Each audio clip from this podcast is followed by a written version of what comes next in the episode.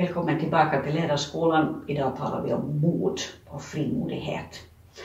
Jag citerar här i, i den förra sessionen och du kan gå tillbaka till den. Eh, jag citerar det som står i Apostlagärningarna 1 och 8 där det sägs att Jesus säger över lärjungarna när Jesus har uppstått och han är på väg att lämna dem eh, genom sin himmelsfärd. Då säger han så här att ni ska få kraft när den heliga Ande kommer över er och ni ska bli mina vittnen.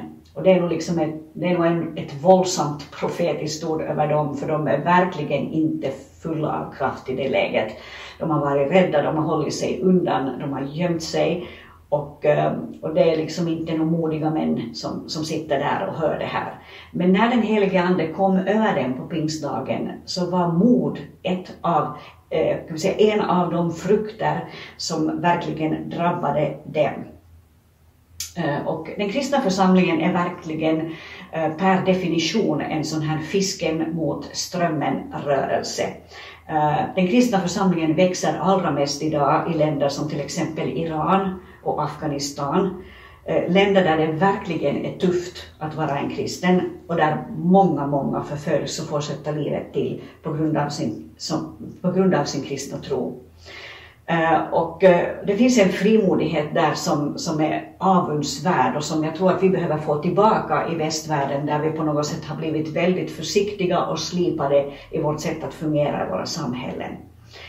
Eh, vi är kallade att, att ha en, ett mod som uttrycker det här att, att, att vi frimodigt följer Jesus även om motståndet blir stort. Jag ska läsa Matteus 10 där Jesus själv talar om det här. Han sänder ut sina lärjungar och så står det så här i vers 16 och framåt.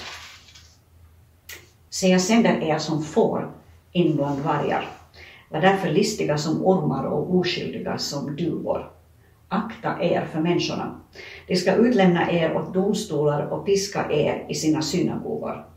Ni ska föras inför ståthållare och kungar för min skull för att vittna inför dem och hedningarna.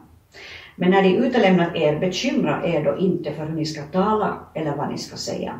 Det kommer att ges er i den stunden. Och då är det inte ni som talar, utan er fars ande som talar genom er. En bror ska utlämna sin bror till att dödas och en far sitt barn, och barn ska göra uppror mot sina föräldrar och döda dem. Ni kommer att bli hatade av alla för mitt namns skull, men den som håller ut i slutet ska bli frälst. Och när man förföljer er i en stad så fly till en annan. Jag säger er sanningen, ni hinner inte genom Israels städer innan Människosonen kommer. En lärjunge står inte över sin lärare och en tjänare står inte över sin herre. Det räcker för lärjungen att bli som sin lärare och för tjänaren att bli som sin herre. Om husets herre blir kallad för Belsebul, hur mycket mer ska då inte hans tjänare bli det? Var alltså inte rädda för dem. Det finns inget som det finns inget dolt som inte ska uppenbaras och inget gömt som inte ska bli känt. Vad jag säger till er i mörkret ska ni säga i ljuset och vad ni hör viskas i ert öra ska ni ropa upp på taken. Var inte rädda för dem som dödar kroppen men inte kan döda själen. Frukta istället honom som kan fördärva både kropp och själ i Gehenna. Säljs inte två sparvar för ett kopparmynt. Ändå faller inte en enda av dem till marken utan er far. På er är till och med alla hårstrån räknade. Var alltså inte rädda. Ni är värda mer än många sparvar. Den som bekänner mig inför människorna ska också jag bekänna inför min far i himlen. Men den som förnekar mig inför människorna ska jag också förneka inför min far i himlen. Här tecknar Jesus nästan som en karta över vad det innebär att vara en troende. Och den här kartan får vi inte tappa bort i västvärlden, där vi på något sätt har skapat en kristen tro som är på ett sätt accepterad så länge den inte blir för högljudd. Den är accepterad så länge den förstår att hålla sig inom kulturella gränser och vara så här, eh, ja vad ska vi säga, smaksatt med, med, med, med försiktiga kryddor. Eh, men här så ger Jesus bilden av vad det innebär för honom att som Messias leva ut sin kallelse och vad det innebär för lärjungarna. Han talar ju in i deras liv att så här kommer ert liv att vara. Vänta inte, säger han, något annat, någon annan typ av, av situation än vad jag har gått igenom. Han talar om förföljelse, han talar om att det ska bli tufft. Eh, vår utmaning här är kanske inte förföljelse och död, men definitivt mod att bekänna Jesus frimodigt, att så att säga inte bli för luddiga i kanterna. Eh, vi behöver också mod på många andra sätt som församlingar i den här tiden. Mod att skapa relevanta, fräscha sammanhang. Inte bara lyssna till eh, att ja, men den här församlingen såg ut så här på 1970, det behöver nog se ut fortsättningsvis så här, utan att vi skapar relevanta sammanhang i frimodighet, i kraft, eh, sammanhang som kan bli ställen där människor som aldrig förut har satt sin fot i en kyrka känner sig välkomna och börjar trivas. Nu är vi inte ute efter någon sån här eh, mänsklig tuffhet eller hårdhet när vi talar om mod, utan vi talar om en frukt av den helige Ande. Det ord som används i Apostlagärningarna 1 och 18 när jag talar om det här att, att ni ska få kraft när den helige Ande kommer över er, det här som Jesus säger.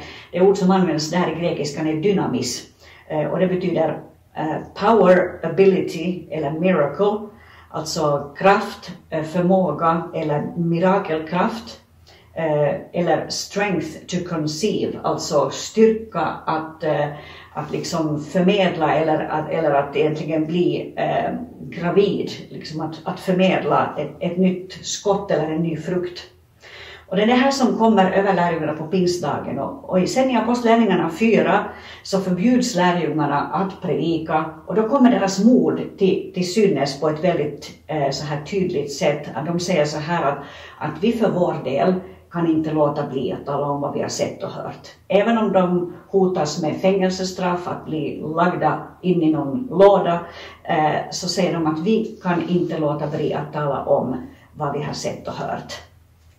Jag tycker det är fascinerande att åtminstone enligt legenden så är Thomas tvivlaren, han som var en fegis på många sätt när han vandrar tillsammans med Jesus, han är den av lärjungarna som drar iväg kanske längst av dem alla sen efter att anden har kommit över hans liv, när modet har drabbat honom. Han drar iväg till Kerala i Indien, dog som en martyr eh, eh 72 efter Kristus. Och det gör ju för, för övrigt också alla andra lärjungar, de, de dör som martyrer. Jag skulle vilja ge dig tre korta utmaningar idag för att på något sätt bara stretcha ditt mod och stretcha mitt eget mod. För det första, dela Jesus med någon idag. Uh, Jesus använder bilden av såningsmannen när han talar om oss, om, om oss lärjungar. Uh, vi är kallade att så ut och veta att om vi sår sed så kommer det förr eller senare att bli en frukt om seden faller i god jord, det vill säga. Eh, och eh, jag skulle utmana dig att dela Jesus med någon idag. Det kan vara någon du träffar på stan, det kan vara någon släkting som du blir påmind om. Jag är helt säker på att om du ber så här, eh, att Gud låt mig få träffa någon som behöver dig idag, så kommer du att få en situation. Trust me, det, det kommer. Det andra du kan göra idag som en utmaning, det är att be om Guds beröring över någon människa idag. Eh, I dessa tider, covid-tider, så är det inte ovanligt att människor klagar över hälsan och är frustrerade och trötta också mentalt. Och vi kan dela Guds kraft frimodigt genom att erbjuda oss i den här tiden att bara be för människor. När du träffar någon på stan, på Revel Center eller, eller var du än rör dig i Helsingfors eller, eller så, bara fråga, kan jag be för dig? Kan jag be för dig? Gud vill röra vid dig. Och det tredje, öppna ditt hem. Tänk inte så här att det är kyrkan som är det viktiga, nu bara väntar vi på att kyrkan ska bli, komma liksom back on track när covid är slut. Utan samlas i ditt hem, kalla folk dit och säg låt oss bara lovsjunga och be och se vad Gud gör.